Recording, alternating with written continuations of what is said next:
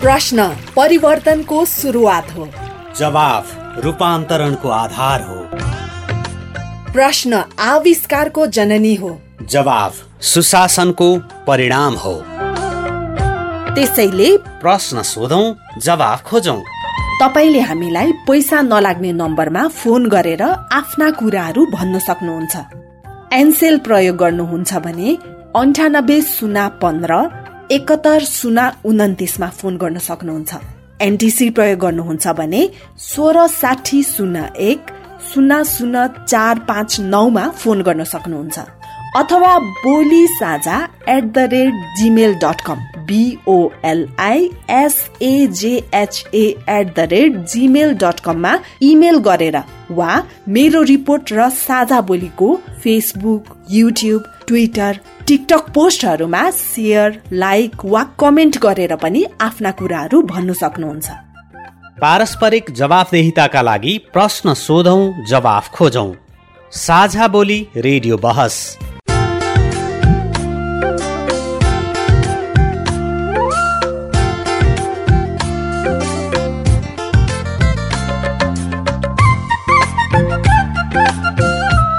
अमेरिकी अन्तर्राष्ट्रिय विकास नियोग युएसएआइडी को सहयोगमा सञ्चालित पारस्परिक जवाबदेहिता कार्यक्रमका लागि एफएचआई थ्री सिक्सटीसँगको सहकार्यमा इक्वेल एक्सेस इन्टरनेसनलको प्रस्तुति।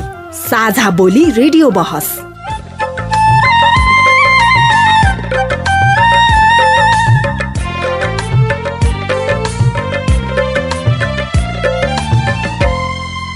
नमस्कार। साझा बोली रेडियो बहसमा तपाईँलाई स्वागत छ। म दिपा कोइराला। साझा बोली रेडियो बहसमा हामी नागरिक समाज आम सञ्चार माध्यम र सार्वजनिक निकाय बीचको पारस्परिक जवाबदेता र आपसी दिगो सम्बन्धका विषयमा बहस गर्छौँ। पारस्परिक जवाबदेताका क्षेत्रीय सवाल र परिवेश समेटेर तयार पारिएको साझा बोली रेडियो बहसको यो स्थानीय संस्करण हो। आजको साझा बोली रेडियो बहस रेडियो भेरी एफएम अन्ठानब्बे थुप्रो छ एक सय दुई थुप्रो सात मेघार्जले उत्पादन गरेको हो। यो कार्यक्रम दाङको स्वर्गद्वारी दैलेखको ध्रुवतारा र जाजरकोटको हाम्रो पाइला एफएमबाट पनि सुन्न सक्नुहुन्छ। जवाबदेताको राष्ट्रिय सवालमा नीति र कार्यान्वयनको समन्वय गर्ने साझा बोली रेडियो बहसको केन्द्रीय संस्करण इक्वल एक्सेस इन्टरनेसनलले काठमाडौँमा उत्पादन गर्छ। साझा बोलीका दुवै संस्करणहरू तपाईँले हरेक हप्ता एकै समयमा सुन्न सक्नुहुन्छ। साझा बोली रेडियो बहसको यस सत्रको यो स्थानीय संस्करणको चौधौँ भाग हो। झन्डै चार वर्ष अघिदेखि प्रसारण भइरहेको साझा बोली यस वर्ष रेडियो बहसका रूपमा उत्पादन तथा प्रसारण सुरु भएको हो। साझा बोली रेडियो बहसको आजको भागमा हामी स्थानीय तहको सुशासन र यसका औजारको प्रयोगका बारेमा छलफल गर्छौँ। वितृष्णा चाहिँ हुँदो रहेछ कि? व्यक्तिलाई भनेर हुन्छ भने अब मेरो त कहीँ पनि पाउँछ छैन। यो यिनीहरूले ल्याएको हो यिनीहरूले गरून् भन्ने खालको चाहिँ त्यो त्यो एउटा चाहिँ त्यसरी पनि त्यस्तो भावना चाहिँ नागरिकहरूमा त्यस्तो छ। त्यस्तै स्थानीय तहले सुशासनका औजारहरूको प्रयोग कसरी गरेको पाउनु भएको छ भन्ने बारेमा तपाईँका अनुभव सुन्छौँ। प्राविधिकहरूले हुन्छ नि त्यहाँको सम्बन्धित प्राविधिकलाई जिम्मा लागेको प्राविधिकहरूले अब केही मात्रामा हामीलाई पनि खाजा साजा यसो खाना खर्चको व्यवस्था गर्नुपर्छ है भन्ने कुरा उपभोक्ताबाट गुनासो आएको मैले थाहा पाएको। साथै स्थानीय तहमा सुशासन कायम राख्न के गर्नु पर्ला भन्ने बारेमा पनि बहस गर्नेछौँ। गरेको पसलबाट मात्रै किन्न पाउने भनेर जुन माथिबाट निय- नियम बनाइयो यो भनेको तपाईँको चाहिँ कहीँ न कहीँ चाहिँ मा- कर्मचारी तहमा खरिदकर्तामा चाहिँ तपाईँको चाहिने कमिसन खाएर मात्रै गर भन्ने जस्तो चाहिँ एउटा नेपालको कानुनले बनाएको हो कि भन्ने पनि मलाई लागेको छ। साझा बोली रेडियो बहस। अमेरिकी अन्तर्राष्ट्रिय विकास नियोग युएसएआइडी मार्फत अमेरिकी जनताहरूको सहयोगका कारण सम्भव भएको हो। यस कार्यक्रमभित्रका विषयवस्तु र सामग्री पारस्परिक जवाबदेहिता कार्यक्रमका एकल जिम्मेवारी हुन्। र यहाँ प्रस्तुत भनाइले युएसएआइडी वा अमेरिकी सरकारको विचार प्रतिबिम्बित गर्छन् भन्ने जरुरी छैन। रेडियो कार्यक्रम साझा बोली रेडियो बहसमा तपाईँलाई फेरि स्वागत छ। स्थानीय तहको सुशासन र यसका औजारहरूको प्रयोगका बारेमा कुराकानी गर्न कुराकानी गर्न हामीसँग विजयनगर नगरपालिका वडा नम्बर छका वडा अध्यक्ष मोती कडेल र नागरिक समाज संस्थाका प्रतिनिधि खिम रेग्मी हुनुहुन्छ। रेडियो कार्यक्रम साझा बोली रेडियो बहसमा यहाँ दुवैलाई हार्दिक स्वागत छ। धन्यवाद। धन्यवाद। अब हामी विषय प्रवेश गर्छौँ। आजको छलफलको विषय हो स्थानीय तहको सुशासन र यसका औजारको प्रयोग। छलफलमा जानुभन्दा पहिला हामी नागरिकको जिज्ञासा सुन्छौँ अनि छलफल अगाडि बढाउँला। म चन्द्र आचार्य भेरिगङ्गा एघार। जस्तो अब स्थानीय तहहरूमा सुशासनको कुरालाई लिएर हेर्दा अब नगरपालिकाका योजनाका कुराहरू भए त्यसमा अब योजनामा नगरपालिकाले बजेट विनियोजित गर्ने कुराहरू भए यिनी कुराहरूमा जस्तो उपभोक्ता समिति गठनका कुरा भए उपभोक्ता समिति गठनमा कुनै कुनै कुराहरू उपभोक्ता समितिबाट योजनाहरू गरिरहेका छन् भने कुनै अब ठेक्का दिएर पनि ठुल्ठुलो योजनाहरू गर्ने गरेको मैले देखेको छु होइन। उपभोक्ताबाट योजनाहरू गर्दाखेरि उपभोक्ताहरूले उपभोक्ता समिति र वरपरका प्रत्यक्ष लाभान्वित उपभोक्ताहरूलाई भेला गराएर अब हाम्रो कार्यक्रममा यति बजेट थियो यो बजेट अब यसमा खर्च भयो योमा खर्च भयो भन्ने कुराहरू त्यो जानकारी जुन योजना पछि गर्नुभएको पनि देखेको छ। शासनको अवस्थालाई हेर्दाखेरि अब प्रत्यक्ष अब भनौँ न योजनाहरू सम्पन्न भएको होइन। अब प्राविधिकहरूले हुन्छ नि त्यहाँको सम्बन्धित प्राविधिकलाई जिम्मा लागेको प्राविधिकहरूले अब केही मात्रामा हामीलाई पनि खाजा साजा यसो खाना खर्चको व्यवस्था गर्नुपर्छ है भन्ने कुरा उपभोक्ताबाट गुनासो आएको मैले थाहा पाएको। अब धेरै ठाउँमा छ। त्यही भएर प्राविधिकहरू नगरपालिकाले प्राविधिकहरू अलिकति सच्याउनु पर्छ र प्राविधिकहरू पनि सचिनुपर्छ यदि सुशासन हामीले नगरपालिकामा ल्याउँछौँ भने त्यसरी सुध्रिनुपर्छ भन्ने लाग्छ मलाई। म विष्णु शर्मा बागेपाका क्षेत्रमा स्थानीय तहले केही पनि गरेको छैन जिरो गरे भन्ने हो। अब अब अपाङ्गता भएको व्यक्तिहरूको त कुनै पनि सवाल नै सम्बोधन भएको छैन। तेरो परिचय पत्र वितरण गर्ने काम भन्दा अरू केही गरेको छैन। अब हामीसम्म आउँदैन के अरे? हामीले थाहा पाउँदैनौँ सार्वजनिक सुनवाईहरू त्यस्तो गरेको पनि। अब लेखा त अडिटहरू त गर्ने गर्छन् होला नै। अब वार्षिक नीति तथा कार्यक्रम छलफल गराउने त्यो त्यो जुन चरणहरू छ त्यो त पारि पा गर्छन् नै होला। अब यो पछिल्लो दुई वर्षले मान्छेहरूको भेला हुने पाउने त्यो सिचुएसन नभएको कारण पनि धेरै जानकारी नभएको हो कि। उहाँहरूको कुरा यहाँहरूले सुनिहाल्नुभयो। स्थानीय तहको सुशासनको अवस्था यहाँहरूले हेर्दाखेरि कसरी हेर्दा छ स्थानीय विकासले अहिले चाहिँ सुशासनको पाटो हेऱ्यो भने मैले बुझेको चाहिँ सुशासन छ। सुशासन किताबमा मात्रै छ। व्यवहारमा सुशासन छैन। जस्तो उदाहरणलाई मान्नुभयो भने यो बिस वर्षसम्ममा कर्मचारी जसरी चाहिँ आफ्नो तहले हिँड्नुभयो वनको एउटा रुख काटेर ल्याएर राख्यो भने त त्यो झ्याली ढोका बनायो भने नपाकेको भई पसाकिन्छ भने यो बिस वर्षमा कर्मचारीले आफ्नो तौर तरिकाले काम गरिरहेको हुनाले र अहिले चाहिँ जनप्रतिनिधि आइसकिसकेपछि उहाँहरूको निर्देशनमा हिँड्न पर्ने भयो हुनाले उहाँहरूलाई कता कता व्यवहारमा अप्ठ्यारो परेको जस्तो देखिन्छ। भने अर्को हाम्रो नेपालको खरिद प्रक्रिया जस्तो मानम एउटा सोफा सेट मैले किन्न पऱ्यो भने मैले व्यक्तिगत घरबाट किन्न पऱ्यो भने बिस बिस हजारमा आउने तर त्यही कुरा मैले वडा कार्यालयबाट किन्न पऱ्यो भने तपाईँको पचास हजारमा आउने अब कार्यालयको नियमै के छ त भन्दाखेरि सूचीकृत गरेको कार्यालयबाट मात्रै खरिद गर्न पर्ने भन्दा अर्को पसलमा बिस हजारमा किन्न पाइन्थ्यो अथवा पच्चिस हजारमा किन्न पाइन्थ्यो। सूचीकृत गरेको पसलबाट खरिद गर्ने राज्यको नियम बनाएको के रहेछ त भन्दा मैले हेरेको यो सूचीकृत गरेको पसलबाट मात्रै किन्न पाउने भनेर जुन माथिबाट नियम बनाइयो यो भनेको तपाईँको चाहिँ कहीँ न कहीँ चाहिँ कर्मचारी तहमा खरिदकर्तामा चाहिँ तपाईँको चाहिने कमिसन खाएर मात्रै गर भन्ने जस्तो चाहिँ एउटा नेपालको कानुनले बनाएको हो कि भन्ने पनि मलाई लागेको छ। जहाँ पनि किन्न पाउने छैन। सूचीकृत गरेको पसलबाट किनिएन भने बेरोजु आउने भनेको मतलब सूचीकृत गरिरहेको पसलबाट बेच्न बार्गेनिङ गरिकन नबेच्ने र सोच्दै बिल पठाइदिने भएको हुनाले हामीले चाहिने कागज पत्र मेसिन औजार जुनसुकै पनि गर्दाखेरि तपाईँको चाहिँ अहिले सही सलामत पाएका छैनौँ भने त्यो एउटा कर्मचारीको पाटोमा भयो। अर्को कुरा मैले कर्मचारीमा मात्रै दोष नदिएर के देखेँ भने जुनसुकै कुरामा पनि एउटा कार्यालयबाट क्यालकुलेटर किन्न पर्यो। यो क्यालकुलेटर दुई हजारको हालेर एकैचोटि किनिँदैन। तर राम्रो मेसिन किन्यो भने त पटक पटक मर्मत हुँदैन। अनि के हुन्छ बिल राम्रो मेसिनको बन्छ। चिज चाहिँ के आउँछ?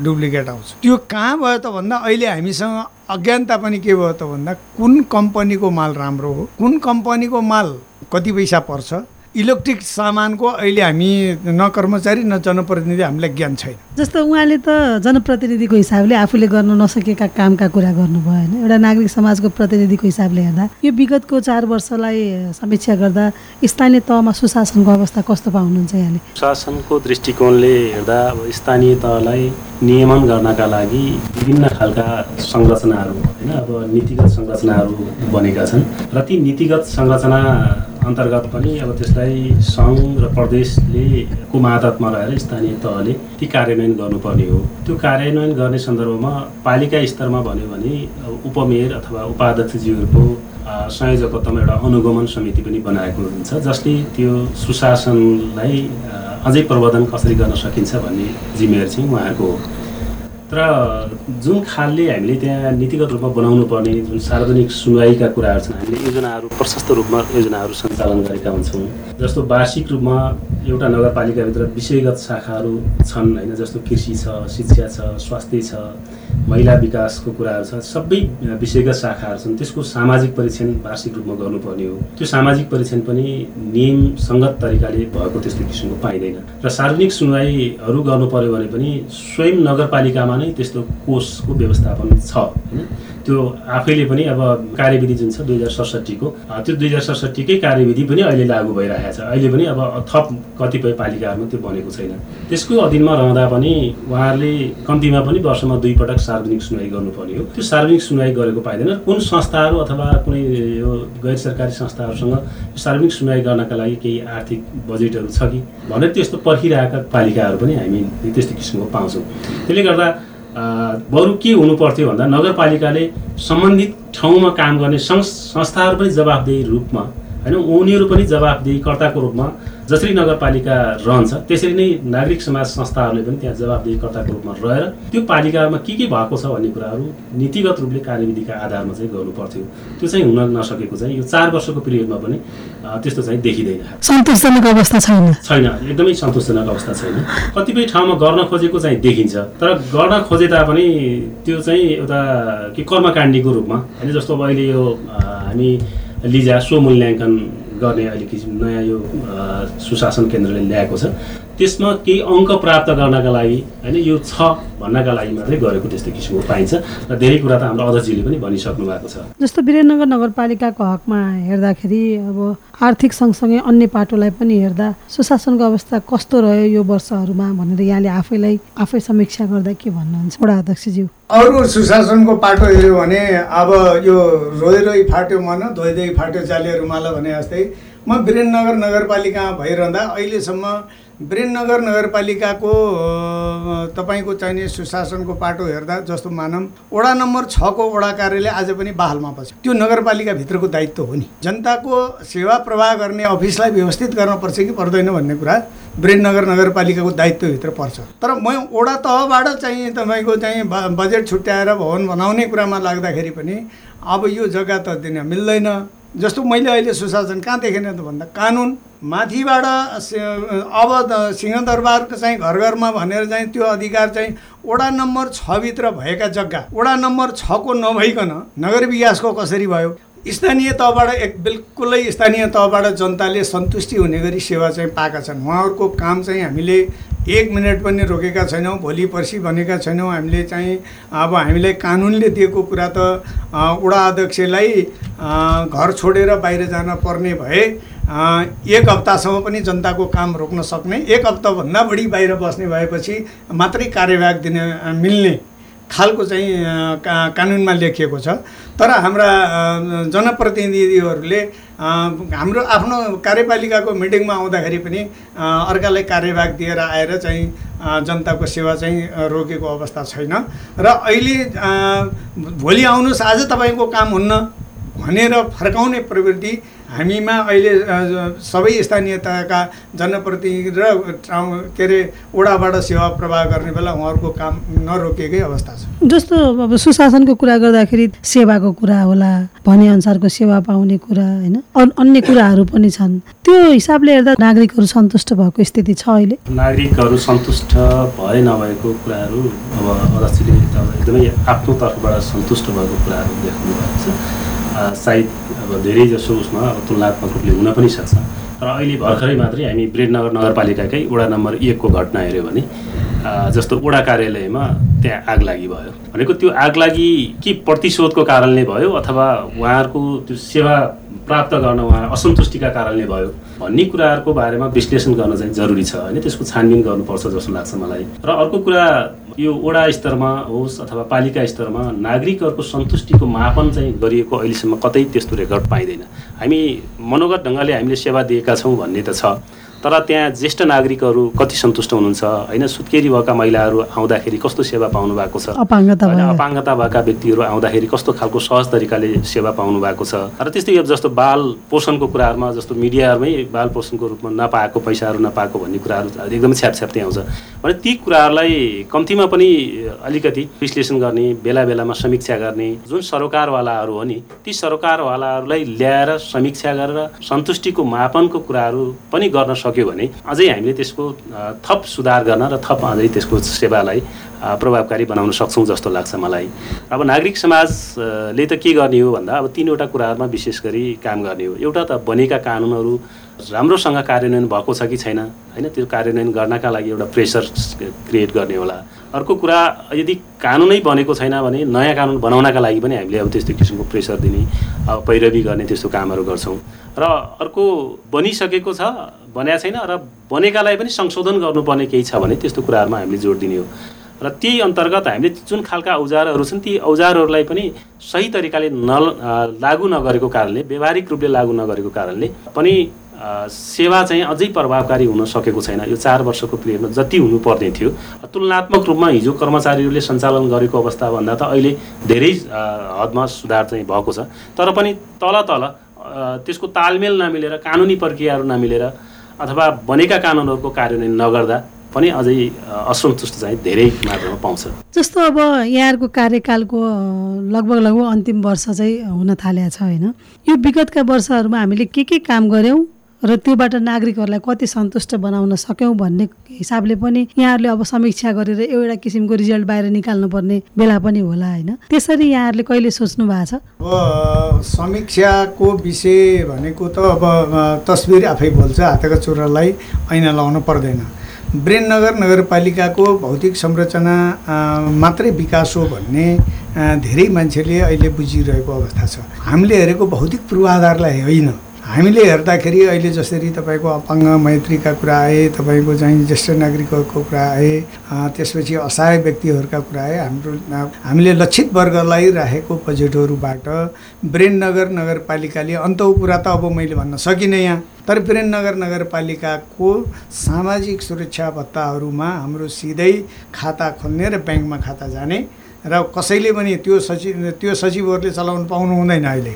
उहाँ उहाँहरूले जसरी बुझ्नुभयो बाहिरको अरू के अरे गाविस नगरपालिकामा होला तर वीरेन्द्रनगरमा बैङ्क भएकै ठाउँ भए हुनाले वीरेन्द्रनगर नगरपालिकाले सामाजिक सुरक्षाको भत्ता खाता नखोलिकन कसैलाई पनि दिएको अवस्था छैन भने अब उहाँहरूको सेवा प्रवाहमा पनि कहीँ हामीले चाहिने अड्को फड्को परेको बेला उहीँ बैङ्कमा गएर पनि केही कुरा नमिलेका छन् भने पनि अब मेरो विषयलाई लिएर त हामीले चाहिँ त्यहाँ नजिक परेको हुनाले हामी त आफै पनि पुग्छौँ। तर बाहिरबाट पनि हामीले अनुरोध गरिएका छौँ ब्रेन नगर नगरपालिकाले एउटा यस्तो सिस्टम मिलाएको छ कि आठवटा ब्याङ्कले सोह्रवटा वडाकोमा सामाजिक सुरक्षा भत्ता दिने तर एउटा सुर्गम दिन्छ भने एउटा दुर्गम। जस्तो मानौँ हामी छ नम्बर वडाको चाहिँ सामाजिक सुरक्षा भत्ताको जिम्मेवारी चाहिँ ग्लोबल ब्याङ्कले लिएको छ भने त्यसको जिम्मेवारी यहाँबाट चाहिँ फेरि सोह्र नम्बर भनेर दुर्गममा एउटा पारेको छ। सुर्गम र दुर्गम गरेर आठवटा ब्याङ्कलाई दिएको हुनाले खाता नखोलिकन हामीले पैसा दिएका छैनौँ। अहिले एकदमै सदुपयोग भएको कुरा चाहिँ पनि हामी त्यसलाई जानकारी गराउँछौँ। विकासको हिसाबले हेर्दा सामाजिक विकासमा हामी कति उपलब्धि हासिल गर्न सक्यौँ भन्ने पाटो पनि अब हेर्नुपर्ने होला हिसाबले हेर्दा हामीले सामाजिक विषयमा एउटा काम के गर्न सकेका छैनौँ भने अहिले हामीलाई अलिकता तोडमोड बनाएको कानुनले तोडमोड बनाएको कुरा ब्रेननगर नगरपालिकाले शिक्षा ऐनको आफै पनि चाहिँ कानुन त बनायौँ हामीले। पहिलाकै कानुनहरूको अहिले पनि व्यवस्थापन समितिहरू पहिलाकै छ। जसमा क्षमता छैन ऊ चाहिँ प्र भएर बस्दाखेरि केही विद्यालयहरू चलाउनुका लागि प्रभावित चाहिँ भएको छ। अब बाँकी कुराहरू त्यो ऐनले हामीलाई बाजेको छ। हामीले आफ्नो म आफै वडा शिक्षा समितिको संयोजक हुँ तर मैले कुनै विद्यालयमा गएर म केही गर्न सक्दिनँ। किन सक्दिनँ भन्दा हामीभन्दा व्यवस्थापन समिति बलियो छ। हामीभन्दा चाहिँ बलियो सङ्गठन भनेको शिक्षाको सङ्घ र सङ्ग- सङ्गठन छ। समग्रमा छलफललाई हेर्दाखेरि विगतका वर्षहरूको समीक्षा गरेर सामाजिक विकासमा कति उपलब्धि हासिल गर्न सकियो भनेर अब हेर्नुपर्ने र समीक्षा गरेर एउटा निष्कर्षमा पुगेर त्योतर्फ चाहिँ लाग्नुपर्ने स्थिति चाहिँ अबको समयमा देखिन्छ भनेर हेर्ने हो। अ, एकदमै समीक्षा गर्नुपर्ने र त्यो समीक्षाको पनि अभिलेख राख्नुपर्ने। र अभिलेखमा के के कुराहरू सुझावहरू आएको छ त्यसको आधारमा फर्दर प्लानहरू त्यसरी बनाउन सक्नुपर्छ अब। र अर्को कुरा विकासलाई अब सामाजिक पाँचवटा विषयगत समितिहरू छ।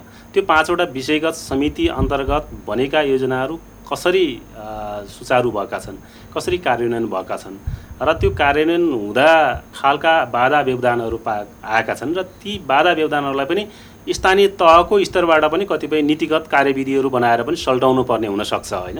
कतिपय त अब हाम्रो कानुन बाँच्छ होइन? सङ्घीय प्रदेशको कारणले। तर कतिपय नीतिगत रूपले स्थानीय तहले नै त्यस्तो किसिमको कार्यविधिहरू निर्देशिकाहरू बनाएर पनि त्यसलाई सल्टाउन सकिने त्यस्तो छ भने त्यो कुरालाई पनि स्थानीय तह चाहिँ लाग्नुपर्छ। र सुशासनको हिसाबमा पनि प्रत्याभूति जसरी पनि सेवाग्राहीहरूलाई दिने अठोट चाहिँ गर्नुपर्छ जस्तो लाग्छ। सुशासनमा कति उपलब्धि हासिल गऱ्यौँ भनेर पनि हेर्नुपर्ने हो र त्यो चाहिँ फेरि आम नागरिकको बुझाइमा र उहाँहरूले भोगेको अनुभवको आधारमा पनि कसरी जान सकिन्छ भनेर पनि हेर्नुपर्ने स्थिति हुन। थप सूचकहरू केही बनाउनु पर्छ भने पनि अझ थप जति सूचकहरू हामीले बनाएर काम गरेका छौँ ती सूचकहरूमा पनि अझै थप केही गर्नुपर्छ भने पनि त्यो सूचकका आधारमा चाहिँ मूल्याङ्कन गर्न चाहिँ जरुरी देखिन्छ। तपाईँ अहिले पारस्परिक जवाबदेहिता प्रवर्धनका लागि साझा बोली रेडियो बहस सुन्दै हुनुहुन्छ। हामी स्थानीय तहको सुशासन र यसका औजारको बारेमा छलफल गरिरहेका छौँ। हामीसँग छलफलमा हुनुहुन्छ वीरेन्द्रनगर नगरपालिका वडा नम्बर छका वडा अध्यक्ष मोती कडेल र नागरिक समाज संस्थाका प्रतिनिधि खिम रेग्मी यतिन्जेल हामीले स्थानीय तहमा सुशासनको अवस्था कस्तो छ र यसलाई प्रभावकारी बनाउन के गर्न सकिन्छ भन्ने बारेमा छलफल गर्यौं। साझा बोली रेडियो बहसमा अझै हामी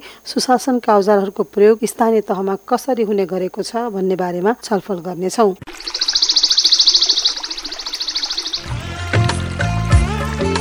प्रश्न परिवर्तनको सुरुवात हो। जवाफ रूपान्तरणको आधार हो। प्रश्न आविष्कारको जननी हो। जवाफ सुशासनको परिणाम हो। त्यसैले प्रश्न सोधौं जवाफ खोजौं। तपाईँले हामीलाई पैसा नलाग्ने नम्बरमा फोन गरेर आफ्ना कुराहरू भन्न सक्नुहुन्छ। एनसेल प्रयोग गर्नुहुन्छ भने अन्ठानब्बे शून्य पन्ध्र एकहत्तर शून्य उन्तिसमा फोन गर्न सक्नुहुन्छ। एनटिसी प्रयोग गर्नुहुन्छ भने सोह्र साठी शून्य एक शून्य शून्य चार पाँच नौमा फोन गर्न सक्नुहुन्छ।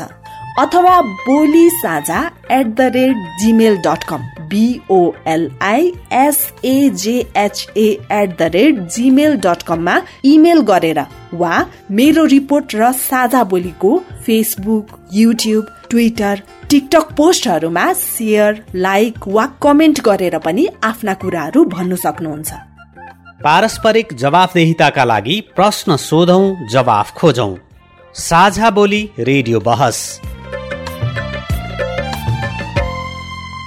रेडियो कार्यक्रम साझा बोली रेडियो बहसमा हामी स्थानीय तहको सुशासन र यसका औजारको प्रयोगका बारेमा छलफल गरिरहेका छौँ। हामीसँग छलफलमा वीरेन्द्रनगर नगरपालिका वडा नम्बर छका वडा अध्यक्ष मोती कडेल र नागरिक समाज संस्थाका प्रतिनिधि खिम रेग्मी हुनुहुन्छ। अब हामी सुशासनका औजारहरूको प्रयोग स्थानीय तहमा कसरी हुने गरेको छ भन्ने बारेमा छलफल गर्छौँ। यहाँलाई फेरि पनि स्वागत छ कार्यक्रममा। अब हामी जस्तो स्थानीय तहले सुशासन कायम गर्नका लागि बनाएका औजारहरू छन् त्यो चाहिँ स्थानीय तहले कति चाहिँ प्रयोगमा ल्याउन सकेका छ भन्ने कुरामा चाहिँ छलफल गर्छ। कसरी हेर्नुहुन्छ? अब का यस्तो रहेछ। राज्यको कानुन जसरी बन्छ माथि का माथिको संविधान र हाम्रा हामीले बनाएको तल चाहिँ कार्यविधिहरू सबै एउटै एउटै खालके रहेछन्। कार्यविधिमा छ तर कार्यमा छ कार्यमा छैन। जस्तो हामीले भन्दाखेरि के भन्छौँ त भन्दाखेरि तपाईँको हामीले पहिलो सुशासन के मान्छौँ त भन्दा अब हेरेको मात्रै फरक हो। जस्तो एक करोडसम्म कानुनले चाहिने उपभोक्तालाई दिन पाउने भन्छ। मान्नुहोस्। अब उपभोक्तालाई एक करोडसम्म दिने भएपछि घोटाला त्यसैमा छ। उदाहरणलाई। अब त्यहाँ आफ्नो अनुकूलको मान्छेले उपभोक्ता हुन्छ कि हुन्न आफ्नो अनुकूलको सुविधा हुन्छ कि हुन्न भन्ने छ भने हामी टेन्डर गराउनेहरूको पनि के भएको छ त भन्दाखेरि हामी सुशासनै भनेर टेन्डर गराउँछौँ। तर अब फिफ्टी पर्सेन्ट जति पर्सेन्ट बिलो गए पनि त्यो ठेक्का स्वीकृति गर्न पर्ने। तर काम क्वालिटीको नहो। अथवा त्यो चार वर्ष अगाडिका टेन्डर परेका कामहरू पनि आजसम्म भएका छैन। त्यो त्यो नहुनु भनेको हामीले सुशासन दिन नसकेकै मान्छु मैले। त्यो त न त्यसलाई हामीले ब्ल्याक लिस्टमा निकालेका छौँ न तिनलाई चाहिँ हामीले कानुनी कारवाहीको पत्र लेखेका छौँ यिनी कुराहरूको अगाडि बढाउन नसक्दाखेरि हामीले सुशासनको कमी भएको अनुभूति त्यहाँ गरेका छौँ। तिनै कार्यक्रमहरूमा पनि सार्वजनिक सुनवाई गर्नुपर्ने परीक्षण गर्नुपर्ने होइन यी कुराहरू सार्वजनिक गरेर जनमानसलाई जानकारी गराउनु पर्ने होइन? लागेको कुरा। ल्याउनु भयो यो कुरा के हो भने पहिला हामीले सबै कामका हाम्रो नगरपालिकाले बनाएको नियमअनुसार कुनै पनि प्रोजेक्ट फाइनल भइसक्यो भने त्यो प्रोजेक्टको त्यही टोल समितिमै पास गर्न पर्ने। जहाँ उपभोक्ता समिति बनिएको टोल छ जहाँ जे निर्माण गरिएको छ त्यहीँ पास गरेर लिएर आउनु पर्ने र त्यसपछि गएर अनुगमन टोलीले हेर्न पर्ने। भनेर हामीले त्यसरी नियम बनाएका थियौँ। तर त्यो नियम बनाउँदा बनाउँदै अघिल्लो दुई वर्षको कार्यकाल त हामीले राम्रैसँग हेऱ्यौँ तर अहिले पछाडिको दुई वर्षको दुई आर्थिक वर्षको भनेको हामीलाई चाहिँ के पर्यो त भन्दाखेरि अप्ठ्यारो हेर्न पनि हेरेका छौँ तर हामी हामी उपभोक्ताले अथवा प्राविधिकले गरेको त्यो चाहिँ जति पनि भौतिक संरचना बनेका छन् हामीले हेर्ने भनेको कुरा बाहिरी आवरण मात्रै। जस्तो पिचका कतिवटा आइटम हुन्छन् गिट्टी बालुवा अथवा सुरुदेखि चाहिँ कति हाल्यो त्यो भन्ने कुरा हामीमा ध्यान पुग्न सकेन हामी त्यहाँ गन्तव्यमा पुग्न सकेनौँ।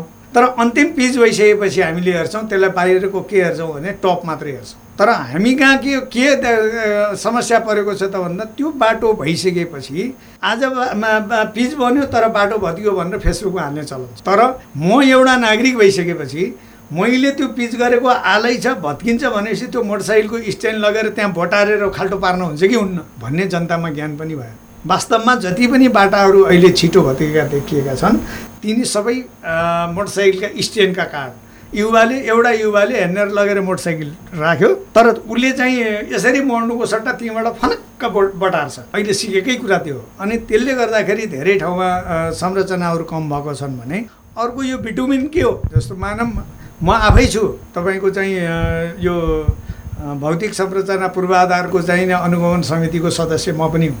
चार चार वर्ष कार्यकालमा मैले सबै तिनी चिजहरू अनुगमन गरेर हेरेका छु। तर अब हामीले अरूमा कोट्याएर फालेर जस्तो सिमेन्ट भयो ऊ भयो भने हामीले हेरेका छौँ तिनी कुराहरू। तर अब पिचको हकलाई कतिवटा आइटम भित्रबाट हुनुपर्ने त्यो पुरा हाम्रो ध्यान पुग्न सकेका छैन भने अन्तिममा चाहिँ यो किन उकिन्छ? यो पिच बाटो छिटै किन भत्किन्छ? भनेर हेर्दाखेरि हामी कहाँ के समस्या परेको छ त भन्दाखेरि त्यो आउने भिटुमेन कुन क्वालिटीको भन्ने टेस्ट गर्ने इक्विपमेन्ट चाहिँ यहाँ छैन सुर्खेतमा। जस्तो अघि हामीले विष्णुजीको कुरा पनि सुन्यौँ। स्थानीय तहले सञ्चालन गर्ने सार्वजनिक सुनवाई र अन्य यस्ता कार्यक्रमहरूमा चाहिँ हामीलाई सहभागी गराइदिएन हामीलाई थाहै हुन्न भन्नुभएको छ होइन? होइन अचम्मै राम्रो मिठो कुरा सोध्नुभयो। यो वास्तवमा हो। के हो त भन्दा उहाँले जसरी बुझेको त्यो चाहिँ होइन।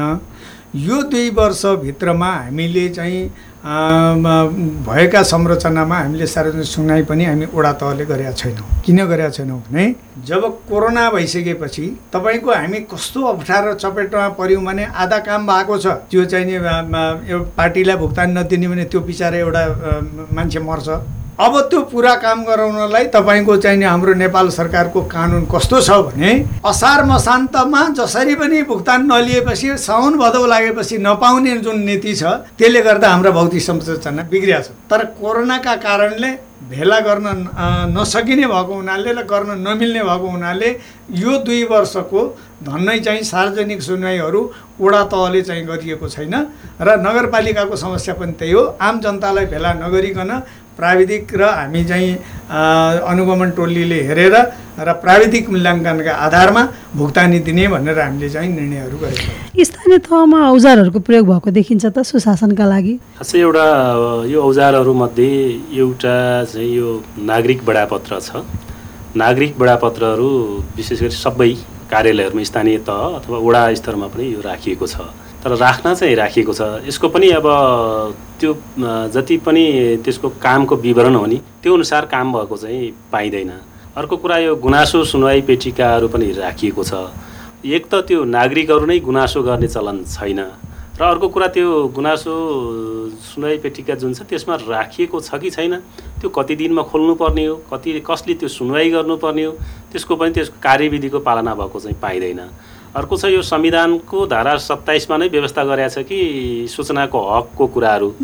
जस्तो सूचना कोही सूचना लिन गयो जस्तो पत्रकार जानुभयो भने चाहिँ पत्रकारलाई चाहिँ दिने होइन अब यताउति यसो डरले पनि दिने। तर अर्को स्वतन्त्र नागरिकहरू गयो भने किन चाहियो के चाहियो होइन यसो निवेदन ल्याएर आउनुपर्छ भन्ने खालको त्यस्तो अल्झाउने खालको त्यस्तो चाहिँ पाइन्छ।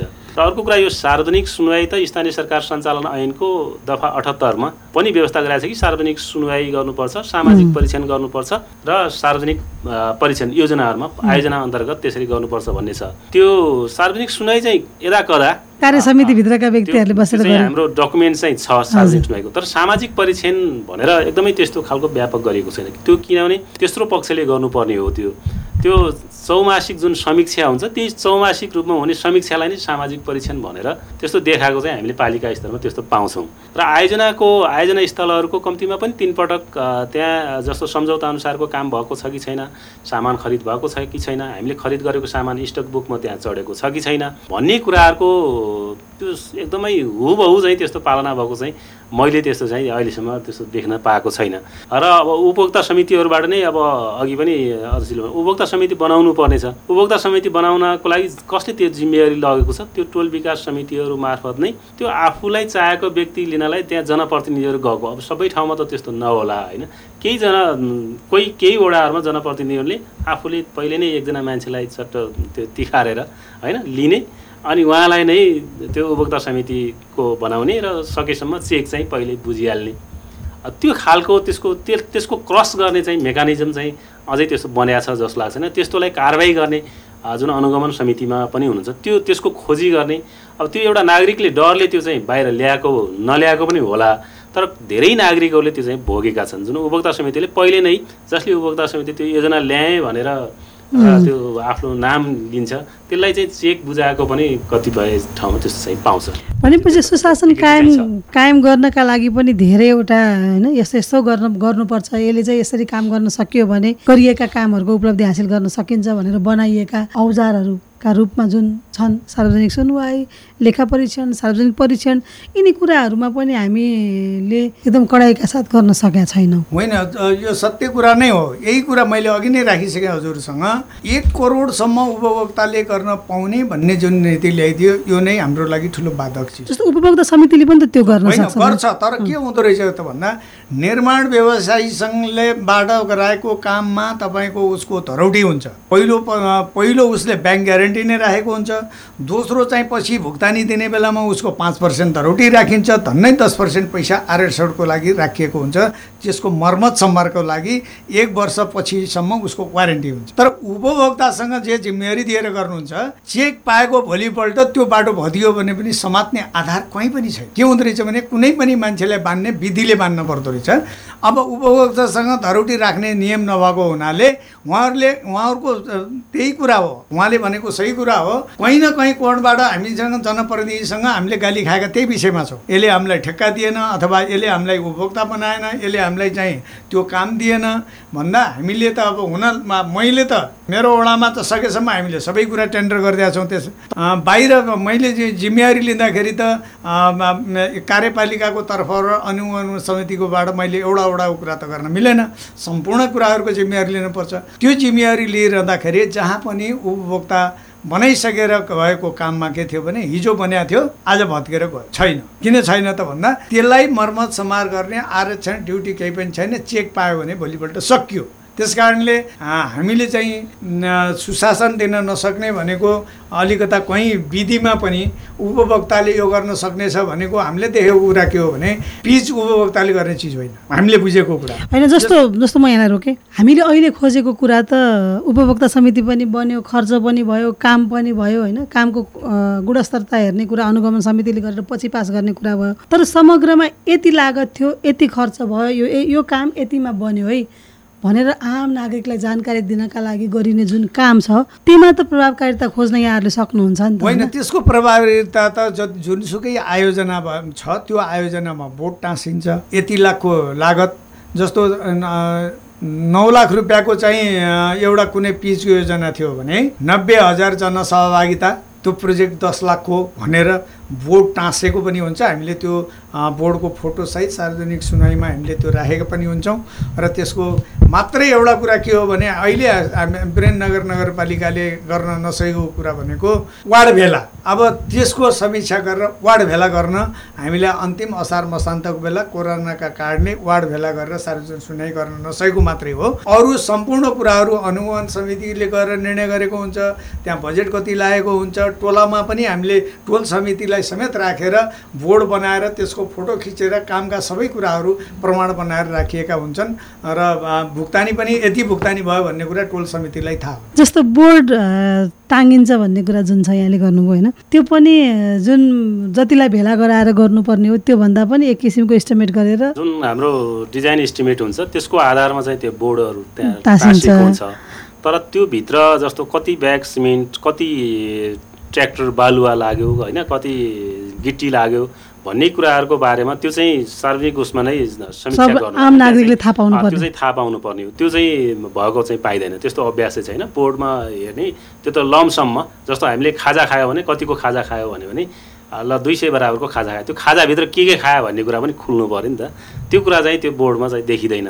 त्यो बोर्डमा भएको कुरालाई एक एक गरेर भन्नलाई उपभोक्ता समितिलाई अथवा टोल विकास समितिलाई भेला गरेर प्रस्तुत चाहिँ गर्नुपर्ने जरुरी त्यो चाहिँ कमी कमजोरी नै छ त्यसका लागि चाहिँ स्थानीय तहले ठाउँमा नागरिकहरू पनि चासो नगर्ने यिनीहरूले यिनीहरूको मान्छे हो यिनीहरूले गरी खाउन् भन्ने खालको। त्यो एकदम आजित भएर पनि हुनसक्छ कि त्यो सचेतना नभएर भन्दा पनि यो आजित भएर यिनीहरूले जे गर्छन् गर्छन् भन्ने खालको त्यो नागरिकहरूमा पनि त्यस खालको भावना छ। र कतिपय जसले गर्नुपर्ने त्यो आफ्नो दायित्व आफ्नो जवाबदेता पुरा नगरेको चाहिँ अवश्य नै हो। अबका दिनहरूमा त्यो गर्न सकियो भने त्यसलाई उपलब्धि हासिल गर्न सकिन्छ। त्यसको लागि यहाँहरूले त्यसलाई बानी पारिदिनु भयो भने पो पछाडिको अर्को आउने नयाँ आउने नयाँ जनप्रतिनिधिहरूले त्यो खालको कुराहरूलाई लागू गर्नुहुन्छ होला होइन? होइन अब यो पनि उहाँले भने जस्तो होइन। हामीले इस्टिमेट गरिसकेपछि टेन्डर भइसकेपछि टेन्डर भएको कुरा पनि हामी त्यहाँ टोल समितिलाईमा राखेर यो यो इस्टिमेट छ। जस्तो यति यतिको गिटी यति बालुवा यतिले यो तपाईँको नाला बन्दैछ यसलाई अब तपाईँहरूको घर दैलो अगाडि भएका जनताको पनि ट्याक्स तिर्ने मान्छेको दायित्व पनि त हुनु पऱ्यो तपाईँहरूको तपाईँले तिरेको पैसाबाट मात्रै आएको विकास हो। यसका लागि दुई लोटा पानी पनि हालिदिनुहोस्।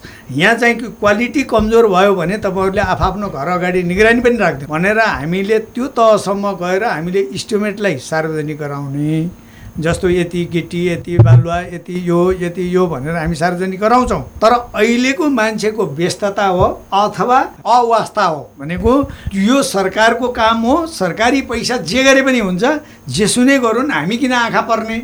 यो अहिले सबैभन्दा समस्या भनेको के विषय छ त भन्दा हामी अर्काको विषयमा किन बोल्ने भन्ने विषय छ। मेरो घर अगाडि बाटो बनिरहेछ। त्यो बाटो बनेको त मेरो होला नि त। तर म के भन्छु त भन्दाखेरि उसले ठेक्का ल्याएको छ यो उसको विषय हो।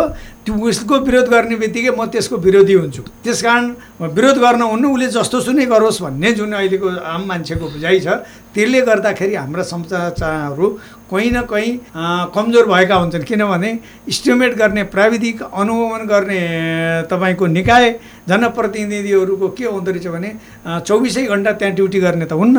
हामीले चाहिँ सुपरभाइजर बनाएर पनि राखेका हुन्छौँ। तर कस्तो हुन्छ भने सुपरभाइजरलाई हामीले महिनाको पन्ध्र हजार बिस हजार दिन्छौँ तर बिचमा त्यो चाहिँ चलखेल गर्ने चाहिने त्यो उपभोक्ता अथवा चाहिँ त्यो ठेकेदारले फेरि उसलाई भाउ म तँलाई महिनाको पचास दिइदिन्छु त चुप्प लाएर बस है। भन्यो भने उसले पनि आँखा चिम्लिदिन्छ। सबैले को कुरा के हो त भन्दा चाहे उपभोक्ता हुन् चाहे कर्मचारी हुन् चाहे हामी जनप्रतिनिधि हुँ चाहे चाहिँ त्यहाँका सेवाग्राही हुन् सबै कुराको के हो भने संविधानमा जहिले पनि संविधान कट्याएर अधिकार मात्रै खोज्ने। तर धारा अडतालिसमा के लेखिएको छ? संविधानको बमोजिमको मेरो जनताको अथवा मेरो कर्तव्य के हो? त्यसमा लेखिएको छ के के जनताले गर्नुपर्छ भन्ने कुराहरू। अहिले त्यो पाटो सर्लक्कै मान्छेले चाहिँ सपना हुन्छ नि। सपनामा सबै चिज देख्ने तर बिउज्यो भने त्यो बिर्सिने हुन्छ नि। यस्तै सर्लक्कै आफ्नो दायित्व जनताले बिर्सेको चाहिँ जस्तो अब यस्ता कुराहरूलाई प्रभावकारी बनाउन र स्थानीय तहलाई सुशासन मैत्री बनाउनका लागि त फेरि पनि नागरिक समाज संस्था सँगसँगै हरेक व्यक्तिको पनि जिम्मेवारी छ होइन? त्यसमा चाहिँ हामीले भूमिका खेल्नुपर्छ होला अबका दिन। नागरिक समाजले अहिलेसम्म जुन भूमिका खेलेको छ यो महत्त्वपूर्ण नै छ होइन? मिडिया र नागरिक समाजको एकदमै दायित्व पनि छ। र जति पनि अब मिडियाहरूले बाहिर ल्याउनु भएको छ नि एकदमै स्थानीय तहमा भएका विकृतिहरूलाई बाहिर ल्याउने र नागरिक समाजले त्यसको बारेमा पैरवी गर्ने जुन प्रक्रिया छ यो चाहिँ एकदमै गर्नुपर्छ र अझ यसलाई निरन्तरता पनि दिनुपर्छ। र म के अनुरोध गर्दछु भने जस्तो अब हामी सिस्टमले गऱ्यौँ भने चाहिँ त्यसमा नागरिकहरूको पनि एउटा दायित्व बढ्छ होला। र यहाँ के छ त भन्दा अब कुनै एउटा जनप्रतिनिधि जान्छ अथवा कुनै अलिकति टोलको अलिकति अगाडिको मान्छे जान्छ अनि उसले के भन्छ भने मैले फलानु मन्त्रीलाई भनेर यहाँ चाहिँ यो काम गर्दैछु। होइन? अथवा यहाँ यस्तो विद्यालय पढ्दैछ जब त्यो मान्छेले व्यक्तिलाई टिकाएर त्यहाँ मैले विकास ल्याएँ भन्छ नि त्यसपछि त्यो बेलासम्म चाहिँ यो मलाई लाग्छ सिस्टम चाहिँ बस्छ जस्तो लाग्दैन र सिस्टमले आज हामी यो योजना तर्जुमा प्रक्रियाका कारणले यहाँ नगरपालिकाबाट आयो यहाँ प्रदेशबाट आयो भन्ने खालको सिस्टम भयो भने अनि त्यो नागरिकले पनि अपनत्व गर्छ। सुरुदेखि नै सहभागिता पनि बढ्छ। व्यक्ति किटाएर मैले व्यक्तिलाई भनेर ल्याएँ भन्ने खालको अहिले तमाम ठाउँमा चाहिँ त्यस्तो देखिन्छ कि। त्यो देखियो भने चाहिँ नागरिकहरू चाहिँ एकदम वितृष्णा चाहिँ हुँदो रहेछ कि। व्यक्तिलाई भनेर हुन्छ भने अब मेरो त कहीँ पनि पाउँछ छैन। यो यिनीहरूले ल्याएको हो यिनीहरूले गरून् भन्ने खालको चाहिँ त्यो त्यो एउटा चाहिँ त्यसरी पनि त्यस्तो भावना चाहिँ नागरिकहरूमा त्यस्तो छ। सहभागितामा चाहिँ विचार सहभागितामा सहभागितामा ल्याइएका कार्यक्रमहरू सहभागितालाई चाहिँ जोड दिन चाहिँ जरुरी देखिन्छ। यहाँसम्म आइदिनु भयो यहाँ दुवैजना धेरै धेरै धन्यवाद। हस् धन्यवाद। म रेडियो भेरीलाई धेरै धेरै आभार व्यक्त गर्न चाहन्छु। हस् नमस्कार।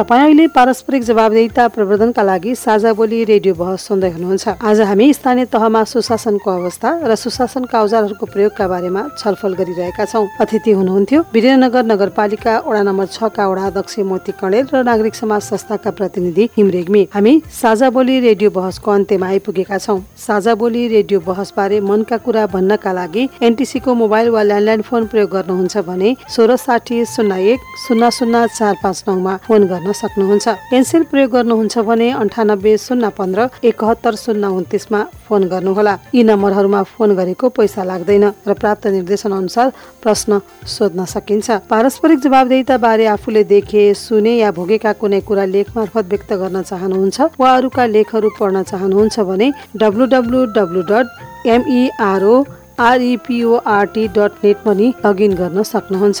साझा बोली रेडियो बहस तपाईँले मेरो रिपोर्ट वेबसाइट पोडकास्ट च्यानल र सामाजिक सञ्जालहरूमा पनि सुन्न सक्नुहुन्छ।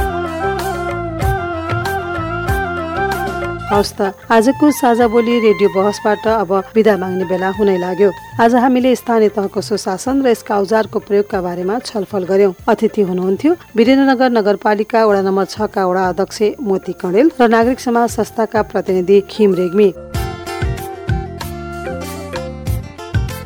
यतिन्जेल ध्यान दिएर कार्यक्रम सुन्नु भएकोमा तपाईँलाई धन्यवाद। आगामी हप्ता पनि आजको जस्तै समयमा सार्वजनिक जवाबदेताको अर्को विषयमा छलफल लिएर आउने नै छौँ। सुन्न नबिर्सनुहोला। आजको कार्यक्रमबाट म दिपा बिदा हुन्छु। नमस्कार।